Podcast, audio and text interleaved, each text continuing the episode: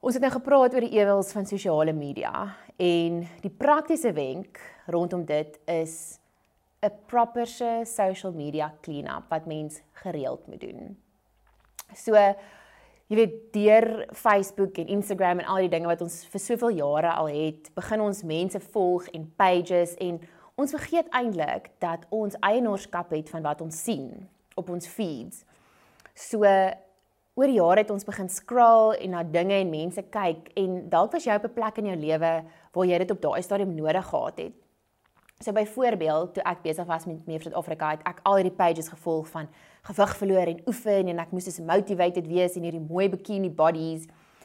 En na die kompetisie het hierdie pages ewe skielik my verskriklik ongemaklik laat voel want ek is nou op hierdie plek waar ek klaar so sukkel om te aanvaar dat ek besig is om gewig op te tel en al wat ek sien is jy moet gewig verloor en jy moet harder oefen. So ek moes op 'n plek kom waar ek gaan ek moet eienaarskap neem van hierdie dinge wat ek elke dag sien. Dis ek wat moet klik follow unfollow. Ek het op die einde geklik om hierdie pages te follow. Ja, Instagram sal nou en dan vir jou ietsie stuur en jy sal daarna kyk, maar op die einde van die dag het ek dit gekies. So waarmee vul jy jou gedagtes? Dit is iets waarvoor jy verantwoordelikheid moet neem. Dis dieselfde met die televisie. Dieselfde met wat jy lees.